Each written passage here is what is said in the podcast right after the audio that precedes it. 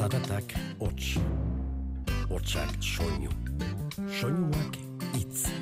Itza, Giltza, Giltza, bizitza, jolas, solas, nola as, nola nas, ganoraz. Eta hitza jolas bihurtu zenean, komunikazioa atxekin iturri, dibertsio izaten hasi zen. Eta bersu bilakatu zen. Itza jolas.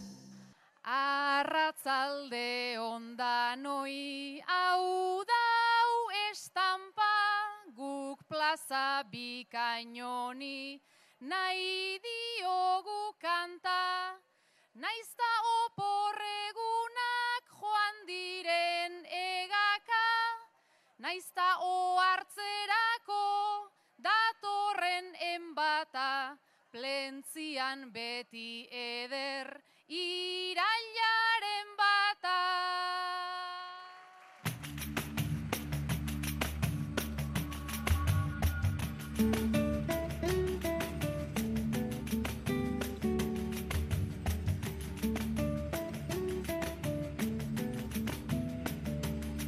Kaixo entzule, Lentzien izango gara gaur bai irailaren lehen egunean han izandako bertso saioko aleak biltzeko, baina gaurko saioan txapelketa giroko albisteak ere kontatuko dizkitzuegu.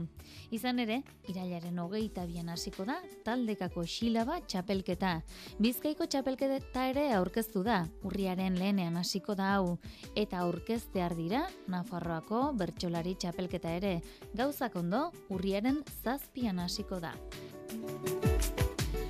Hori guztia eta gehiago, gure bederatziko ere bai baitugu, gogoan aldozu boizen ibilia dela, eguneratu dezagun bada, haren egoera, asteko prest?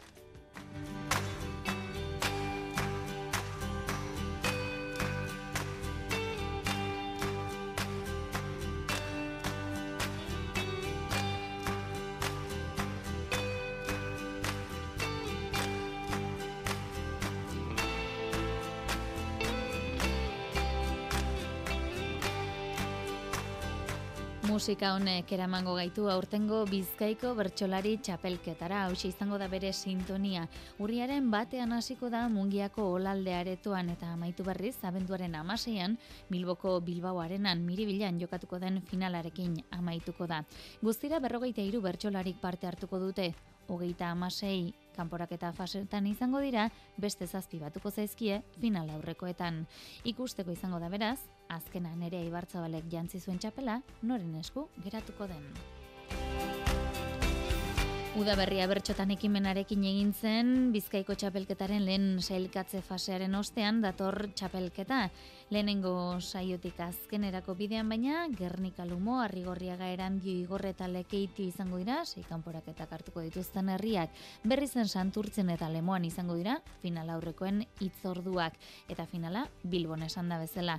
Sei bertsolarik parte hartuko dute kanporaketetako sei saioetan azauraren amaikan, emezortzi eta hogeita bosten izango dira final aurrekoak eta benduaren amaseian finala. Baina sailkatzen nola izango den Jonen Arbaizak Bizkaiko Bertsozale elkarteko koordinatzaileak honela azaldu du. Ba, saio bakoitzeko irabazlea, bai kanporaketetan eta bai final aurrekoetan, hau da, bost, sei kanporaketetako irabazleak zuzenean zelkatuko die final aurrekoetara, eta gainontzeko parte hartzaileak, gainontzekoak zelkatuko die puntuazioaren arabera. Covid garaiko azken bizkaiko txapelketa atzean utzita, aurtengo ere berezia izango da. Besteak beste urte horren berezi bati lotuta datorrelako. Igor Lortza Euskal Herriko Bertsozal elkarteko lehendakaritza taldeko kide eta lau aliz txapeldun izan denak egin zuen azpimarra. Bueno, testu inguru bereziagoan dator berrogei urte bete barri dituelako bizkaiko bertozale elkarteak, baina bestela txapelketek aldian, aldian betetzen daben funtzio ba, importante hori beteko aurtengo honek be, Txapelketak beti izaten dira, bertsolariek indako aurretiazko bakarkako lan hori azaleratzeko unea, bertsozaleentzako hitzordu garrantzitsua izan ohi da, baita gizarte osoaren harreta jasotzen duelako, baina herri kulturgintzarako ere garrantzitsu jo du, Bizkaia osoa hartuko dutelako hitza eta doinu ardatz dituen leia honek.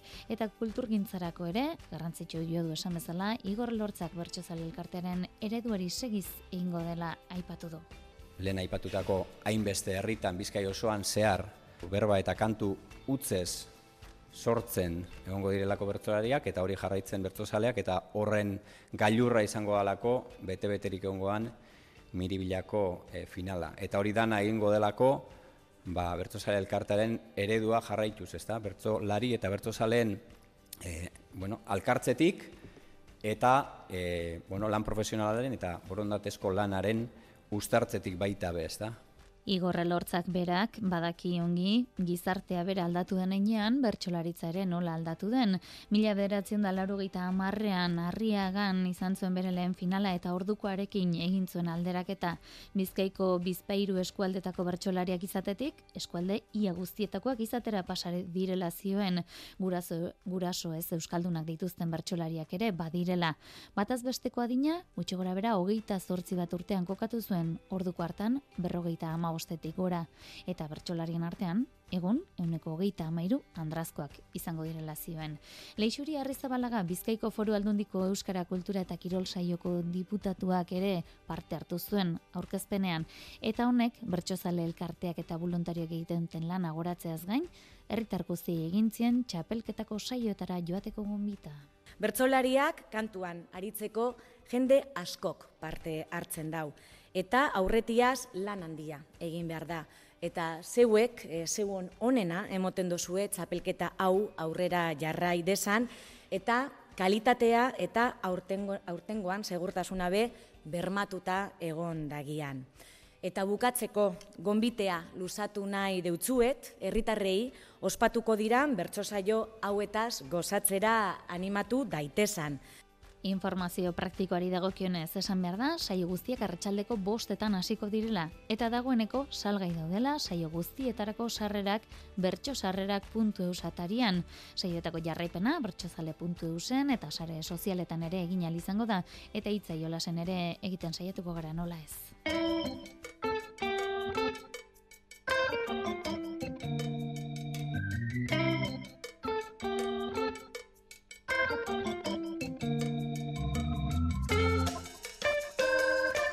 Bertxolarien lagunen elkarteak bestalde, aurtengo xilaba bertxolarien txapelketa ere aurkeztu du.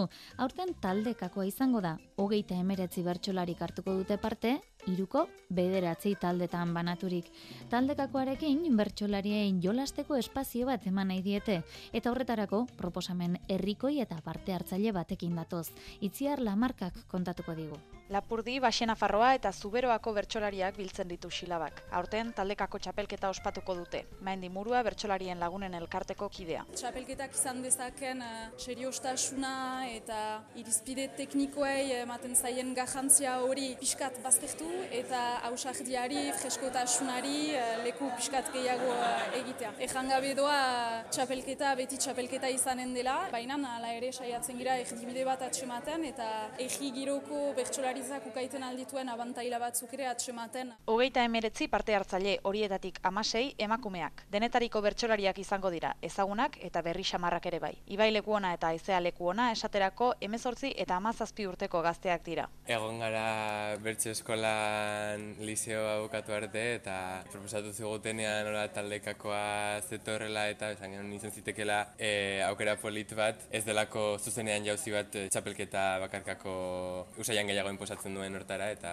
goxoa nola aritzeko aukera bat. Gainera silabako eskolortekoan ari gara eta beste txapelketa mota bat ere ezagutzeko eta esperientza berri bat egiteko. Kanporak eta fasea hilaren hogeita bian hasiko da. Finalerdiak urriaren hogeita zortzian izango dira eta finala aierran ospatuko da azaroaren emezortzian.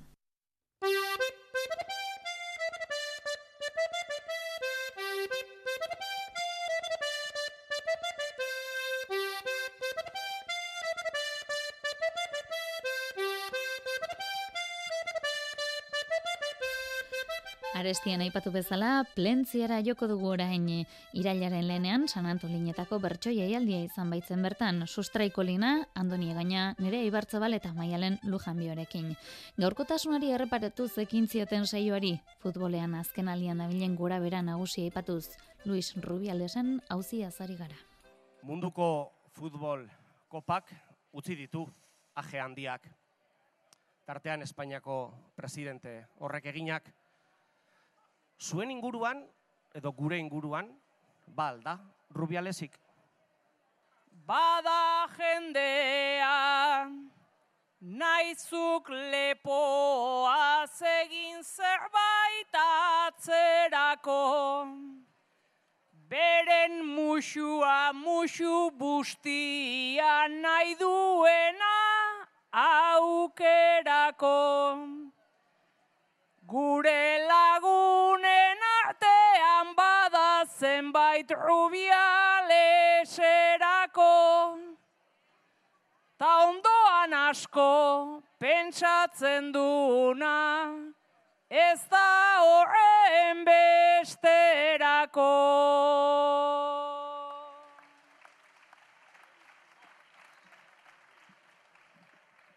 Barrurantz jarri digu argi bat, kanpo kaldeko hainbat suk, naizta musurik ez dudan eman, eskatu gabe musutruk, naiz inorekin gutxitan jardun, Arro, arro, ta burusut, neure barruan ere badira, rubiales txiki batzuk.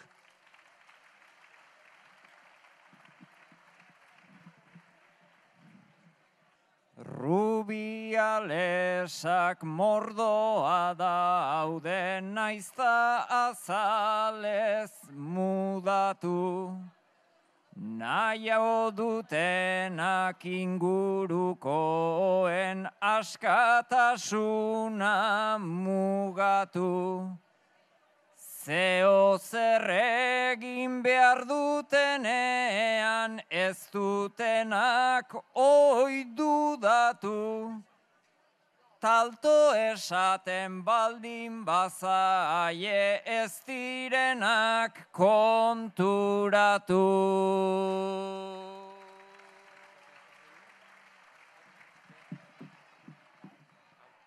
Eta badira lagun min batzuk, lagunak direnak edo, eskua hemen jartzen dutenak, ta musu bat eman bero, ta harremana ona izan arren, ta naiz hori ez espero, soka erabat tenkatzen dute hiru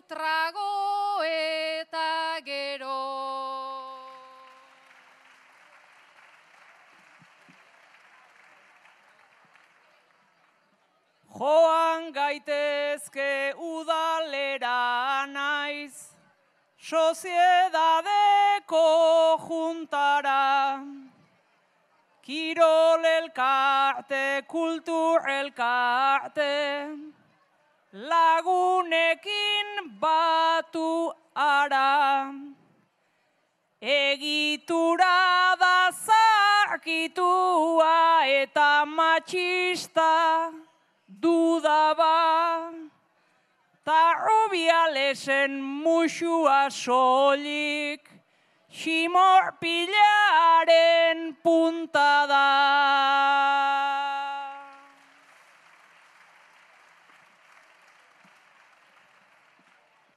Nik ere noiz bait iru tragokin, pareko ura gogaitu.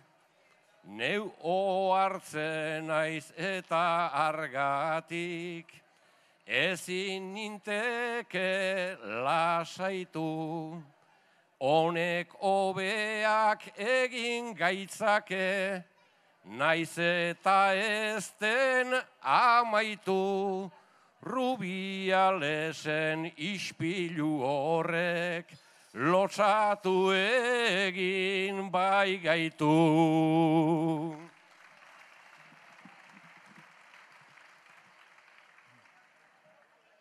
Naizta rubiales esan orduko pospoloak hartzen dunzu. Matxista dena gizartea da bere taupada ta pultsu. Ala zergatik ematen zaien pentsatu izan dut usu. Gizonezkoei bostekoa eta emakumezkoei musu.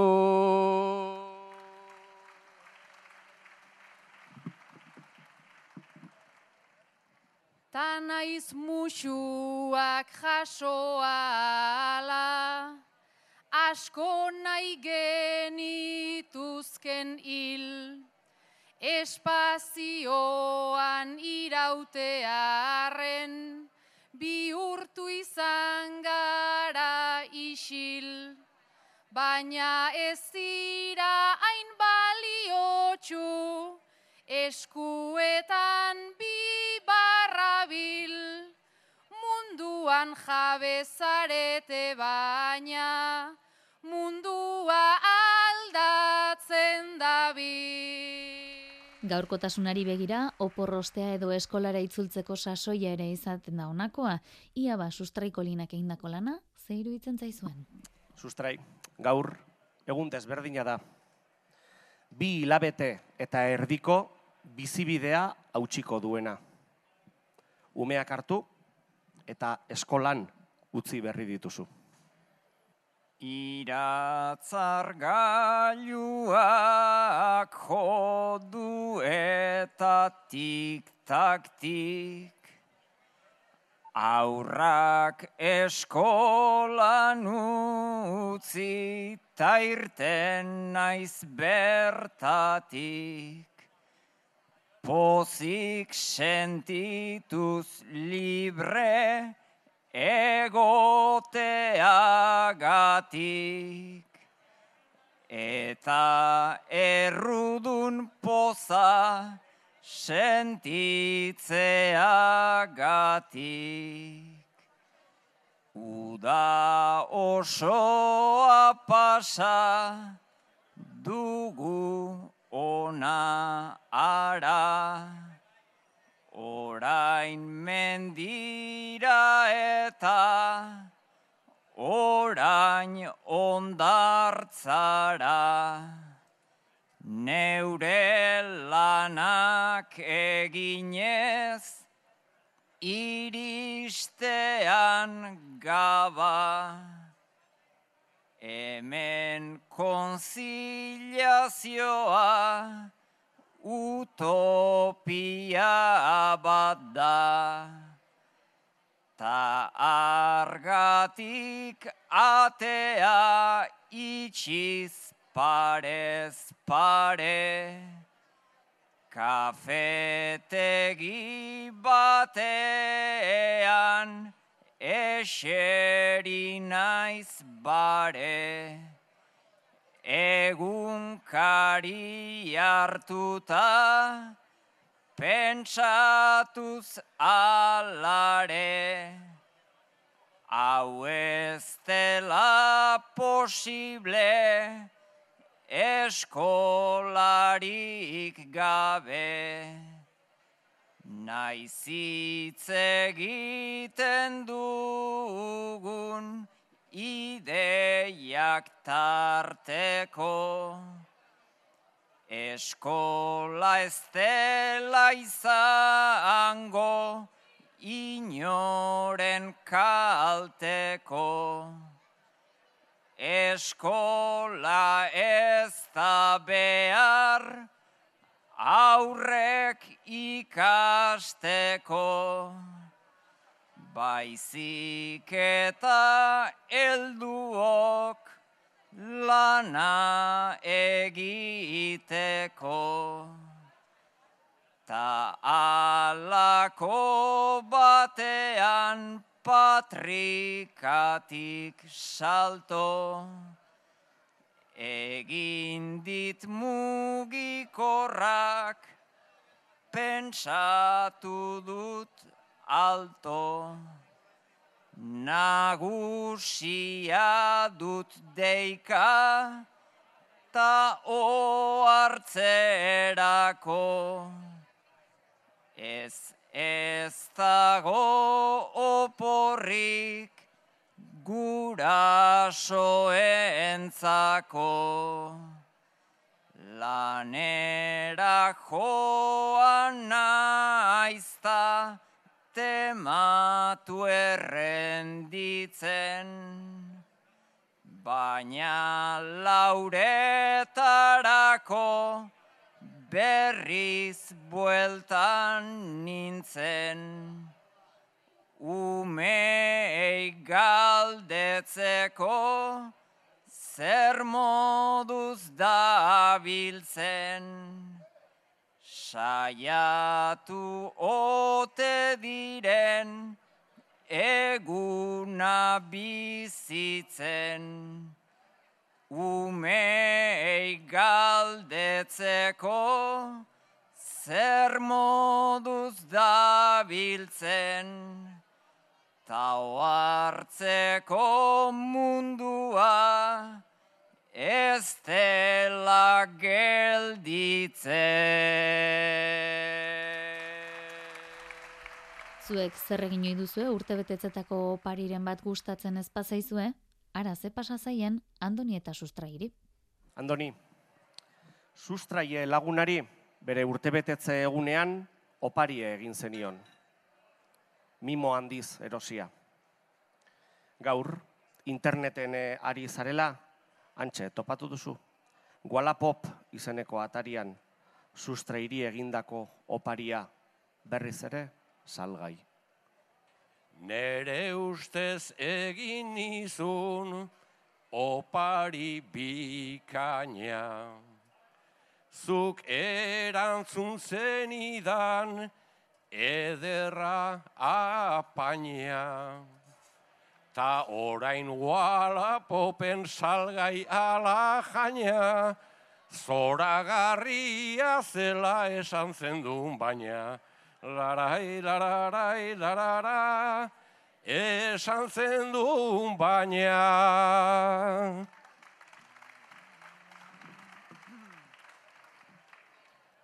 Orain arte ginenak bilagun kutxunen. Oraina serretuko gara seguruen. Baina doni horrazi bat zertako behar nuen. Ta etzen opari bat zuk sobran zenuen. Larai, laralai, laralai, zuk sobran zenuen.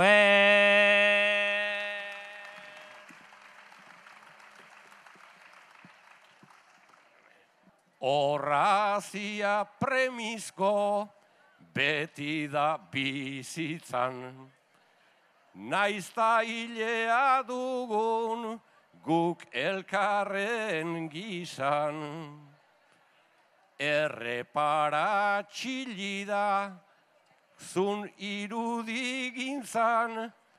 Horrazi bat eginda aberastu egintzan. Larai, lararai, larara, aberastu egintzan.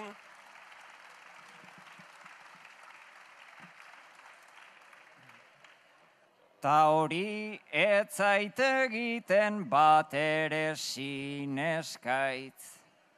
Horregatik sartu naiz interneten garaiz. Txilida ere dutzat, eduki baitut maiz, nire wala popetik aberastuko naiz. Larai, laralai, laralai, aberastuko naiz.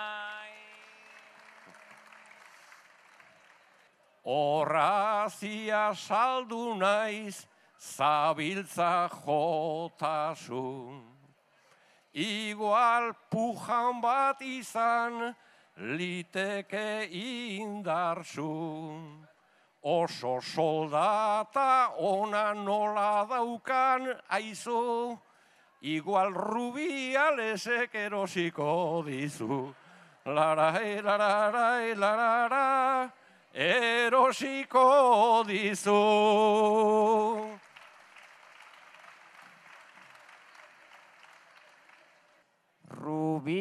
Rubialesek egin dezala gastua. Egin duena naizta ez dudan aztua. Ile aurrazten zaildu, ta buru laztua. Baina la ere badu baizer horraztua. Larai, laralai, laralai, baizer horraztua.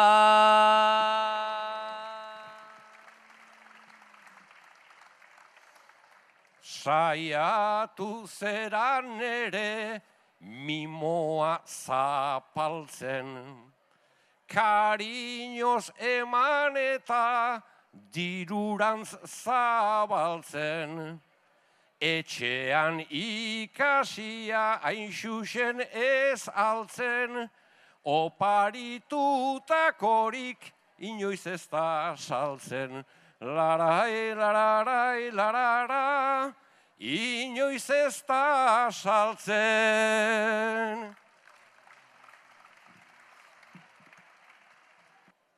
Arren morale jarik etzazu azaldu. Eliza kostiarik ezpaitut gosaldu.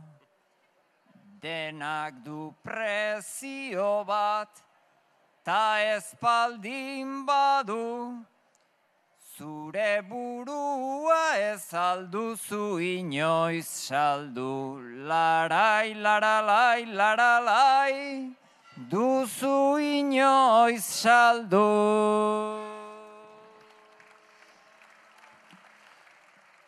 Segi behar aldugu, sustrai ikamikan. Ni ere enaiz izan, maixu bat etikan. Nere burua saldu, izan dut pozikan, baina ez guala popen, plazatan baizikan. Larai, lararai, larara, plazatan baizikan.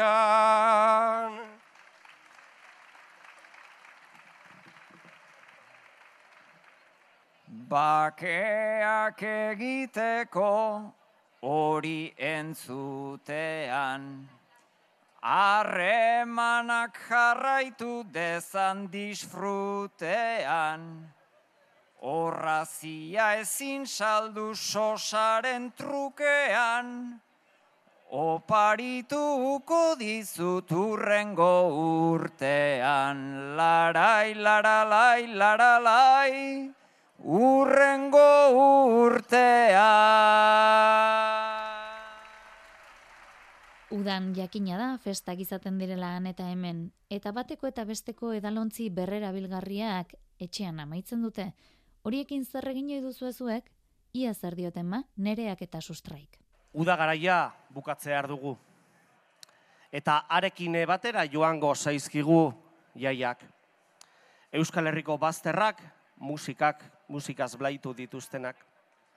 Etzean, jaietako oroigarri handiak geratu dira. Iaia museoko pieza bihurtzeraino. Jaietako plastikozko edalontziak. Zer erabilera ematen diezue etxean pilatutako edalontzi horiei guztiei? Hortzetako eskuilak gordetzeko bertan, edo eta koilara ta tenedoretan, pilatuta gelako apalta hormetan. Berrera bilgarriak baina ez txosnetan, berrera bilgarriak baina ez txosnetan.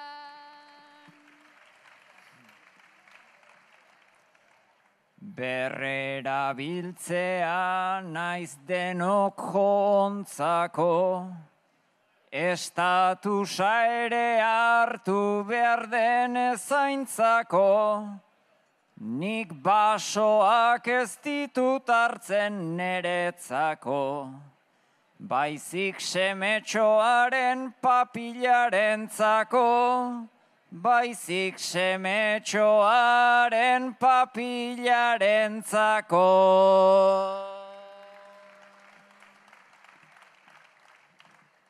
San Juanetan hasita San Miguel bitarte, Ordi joaz hernani lesaka jotake, denak zenbatu eta ze errealitate.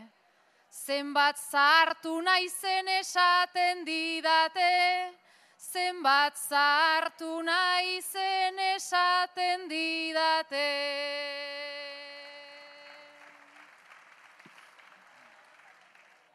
Tartean garagardo andana edanik, Baso hauek ez daude hemen betidanik, baina etzazu pentsa zartu zeranik. Bi mila eta lauko baso bat daukatnik, bi mila eta lauko baso bat daukatnik.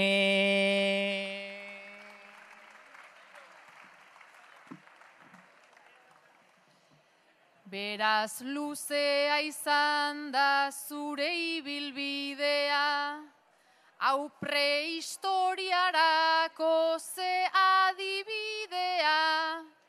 Nik beste bat hartu dut ai adiskidea.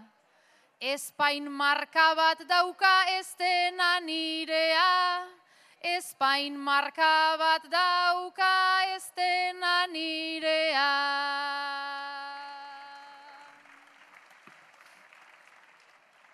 Beraz beste norbaitek egin zizun kolpe, armairua dudan ez eda lontziztope, tasko maite nauen ez neska de montre.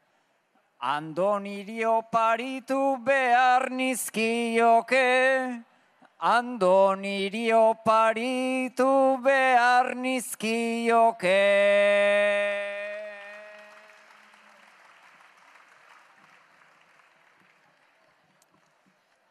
Oparia trabatu zaio ez darrian, ta orain zer eskeni ezin igarrian. Adinez ere dago hain une larrian, loreak hortxe sartu bere hilarrian, loreak hortxe sartu bere hilarrian.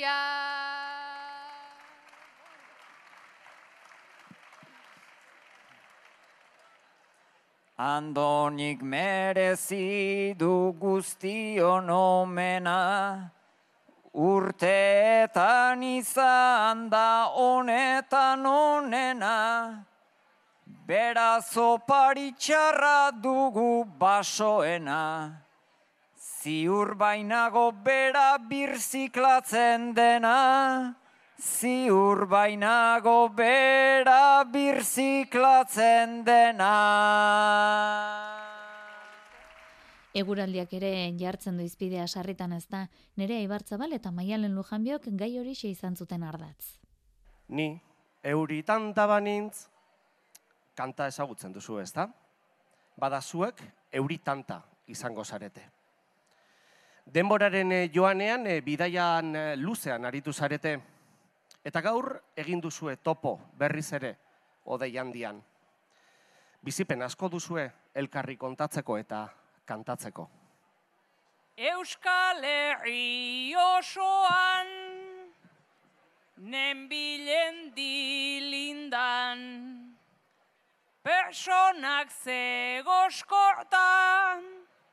aharoak diran, Erortzeko nigurtzen naute eta segidan, erortzen nintzenean, kexan asten ziran, erortzen nintzenean, kexan asten ziran.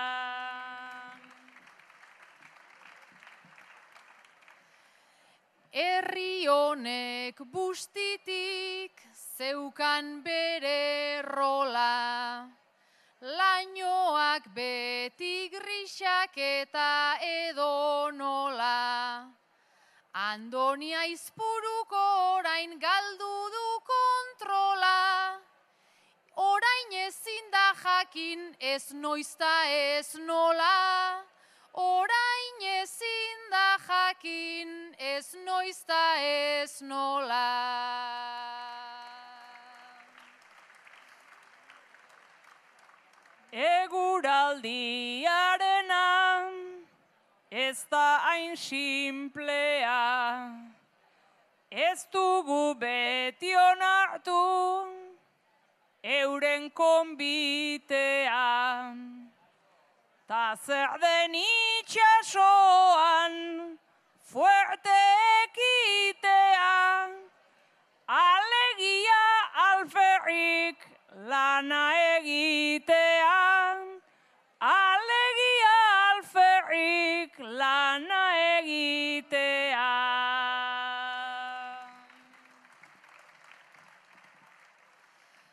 Lurrunduta jaustea, behar nagusia. Ai ez paikara ezer tanta biluzia. Tauran temperatura gauza itxusia. Itxasoa bihurtu zaigu jakuzia. Itxasoa bihurtu zaigu jakuzia.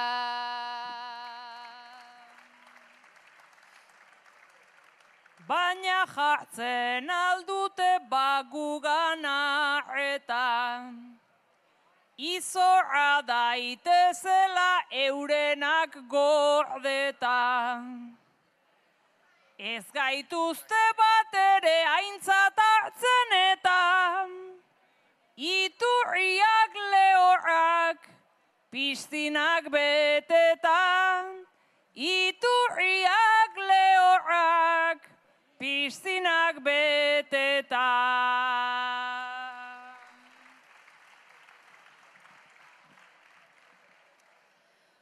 Kontra esan kor xamarrak baitira horretan, piztinan horren pozik denak oporretan, ta aberaskumen lursaien partetan, Ederkin nekatu naiz golfeko parketan, ederkin nekatu naiz golfeko parketan.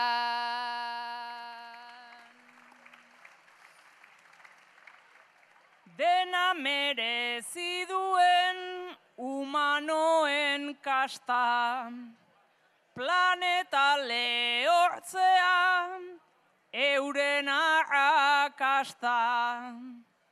Ta klima den alerta, esan arte basta.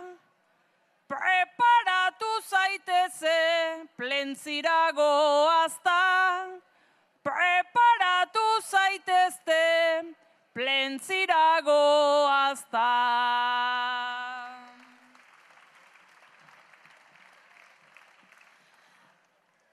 Hasi gara umeltzen ta bagoaz egan, plentzia ikusten da ango malda beran, norbaiten sudurrera jausteko aukeran, espabila daitezen saioa maieran, espabila daitezen saioa maieran.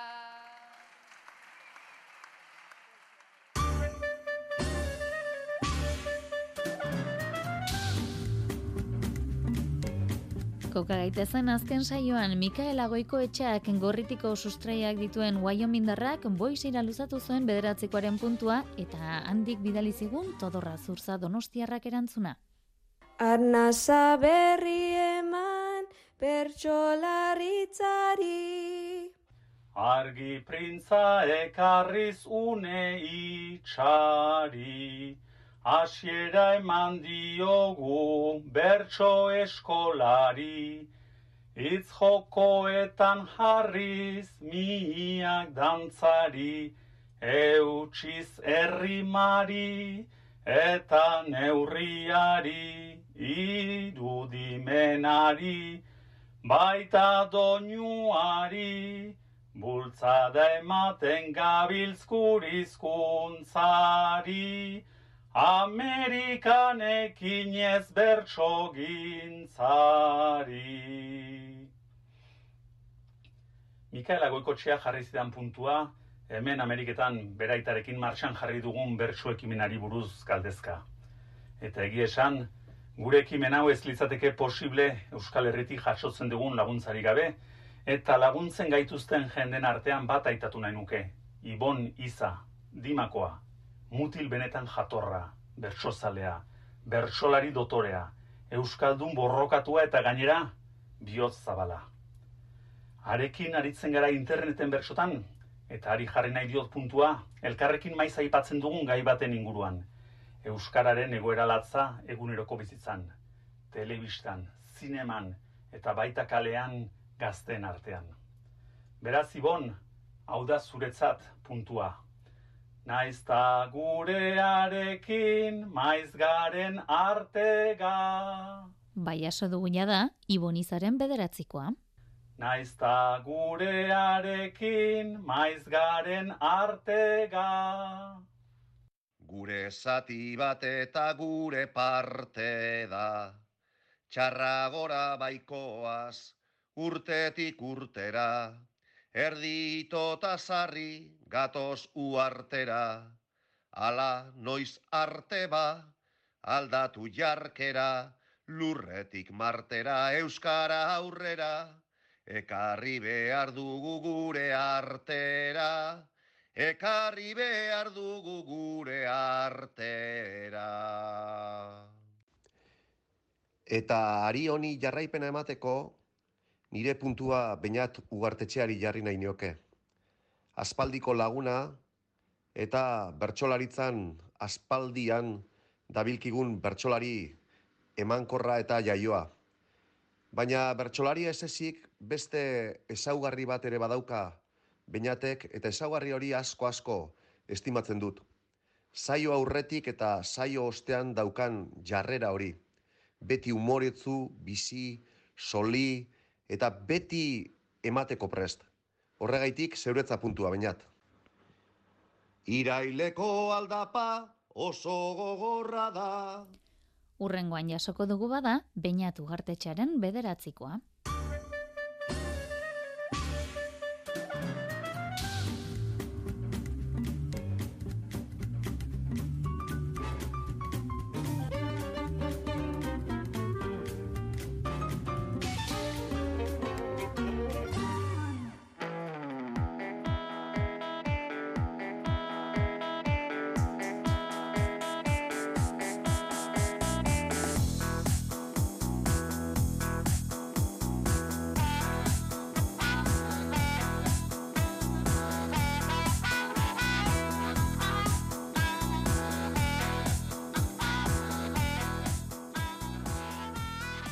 Irailean badakizu eguk irrati urtea hasi dugula, ikasleek ikasturtea, eta debidetan denboraldi berriari ere ekiten zaio. Gurean hitzatik hortzera saioari ere ekingo zaio. Oraingoan gainera, aurpegi berri eta guzti dator. Mirari martiarena ongi etorri zaiola saiora. Kaixo. Oi hartzuarra, umoregile, gidoegile eta kazetaria, bertxotan jarduna, bertxozalea, ze gehiago esan behar da zu aurkeztean, mirari. Ez dakit ez ote diren gauza gehitxo, oiek guztiak, baina, baina, bueno, bai, gutxi gora bera esan liteke, oietatik pixka bat badudala. Tira, maika saltxatan ibili eta dabilena, eta hitzetik hortzera saioan, hemendik aurrera, ba, lehen atzeko lana ezagutzen zenuen, gidoegilea izan azara, orain ordea hogeita amalaugarren denboraldi honetan, kamera aurrean ikusiko zaitugu, zer moduzko esperientzia ari da izaten, Ba oso politia egia esan, e, bueno, grabaketa batzuk ere egin ditugu, e, saioa, bueno, larun bat gaueko saioa pres dago, eta eta bueno, e, gustora sentitzen naiz, elkarrizketak aurretikan egiten ere ohitutanago eta egia esan, ba, orain arteko gonbidatuen babesa ere e, jasotzen ari naiz beraz. E, pozik, pozik. Ez ustean harrapatu zintuen, esperazionen horrelako zerbait? Egia esan, ez. pentsatu izan duzu? Pentsatu izan dut, noizbait e, telebista saio bat aurkeztuko nuela, eta hori egia da, eta nire lankide izaten nien, nik noizbait eteben saio bat aurkeztuko dut. Eta parre egiten genuen, hainbesteko segurtasunarekin esaten nuelako. Ez nuen pentsatuko inoiz, itzetik hortzera aurkezten bukatuko nuenik, hori ere egia da. Baina, bueno, bai, beti ilusio hori ere hortzegoen, iaz, e, bueno, Eider Perezek e, bere zikloa bukatutzat eman zuen, e, iazko denboraldian, edo, bueno, e, aurreko denboraldian, eta, bueno, ba, bertxezale elkartetik bat proposamena jaso nuen, eta, bueno, ba, baiezkoa, eman nuen. Aurkez berria izateaz gain, berritasun gehiago ere izango ditu aurtengo denboraldiak, ez da?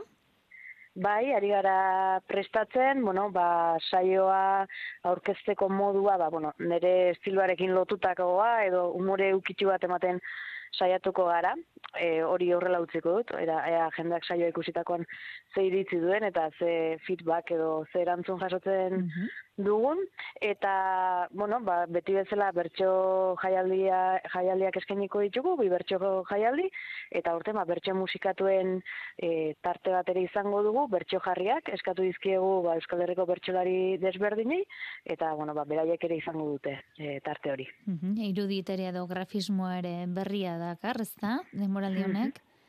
Bai, ba, bueno, txapelketak, e, txapelketa nagusiak markatzen du pixke bat ziklo hori, ez? E, la urtetakoa, kasu honetan e, bostekoa, eta, bueno, ba, irudi berriak ere e, baditugu, sintonia ere bai, ba, batetikan e, unai gaztelumendi, ari da e, irudien sormen lan horretan, berak sortu dizkigu e, irudiak, eta horretaz gain, ba, bueno, anonime popularreko ba, sintonian zatitxoekin, ba, osatuko dugu itzetik hortzerakoa. Mm aurrekoetan bezala esan duzu elkarrizketatu bat izango dela saioaren ardatza, ez da?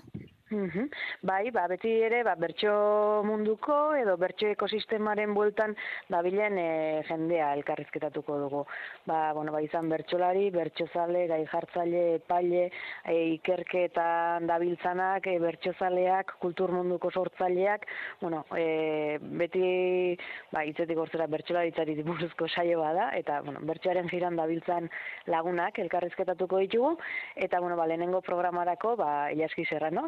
Telebista aurkezle ezaguna izango da gure gonbidatua eta egia esan niretzat ba ore bat bada, ez da? E, hogeita bost urtez telebista aurkezle lanean ari dena, hainbesteko esperientzia duena, e, bueno, ba, ilaski ez, e, ilaski serrano izenak berak esaten du, eta, eta bueno, ba, niretzat lehen saioko elkarrizketatua eta gonbidatua bera izatea, ba, ba bada orea eta bada plazerra.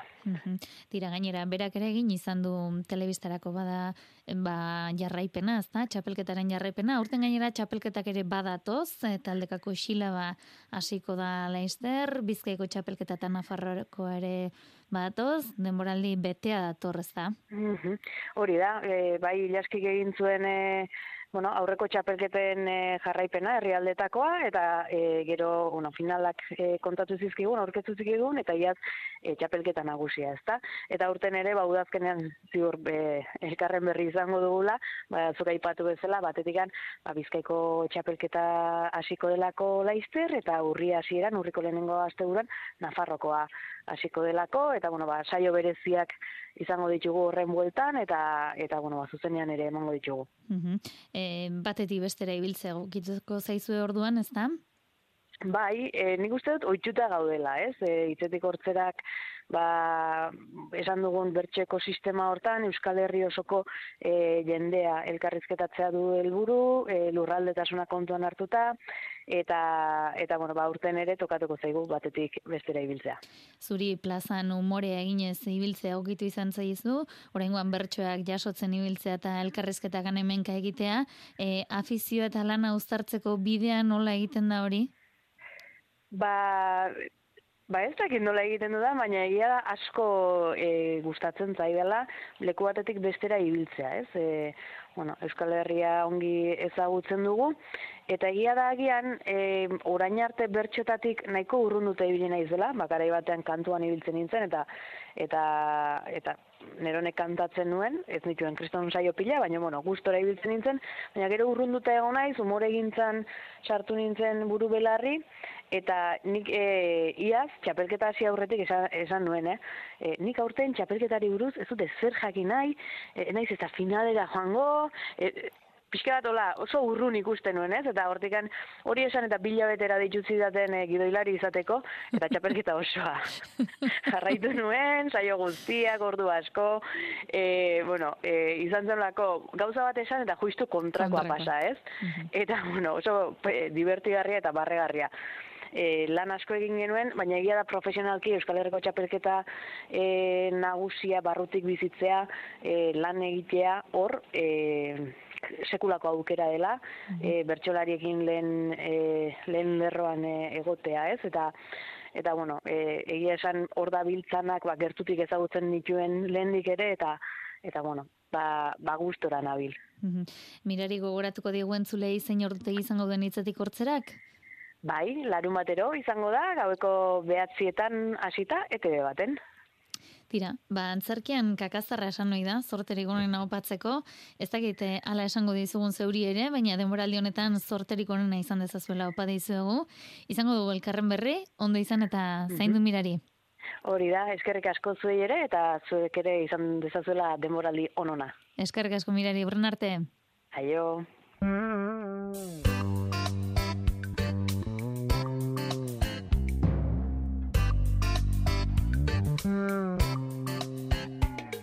Ba, gaurko zauxe izan da gure menua jaso ezazuele ire karrera teknikariaren eta bion agurrik beroena.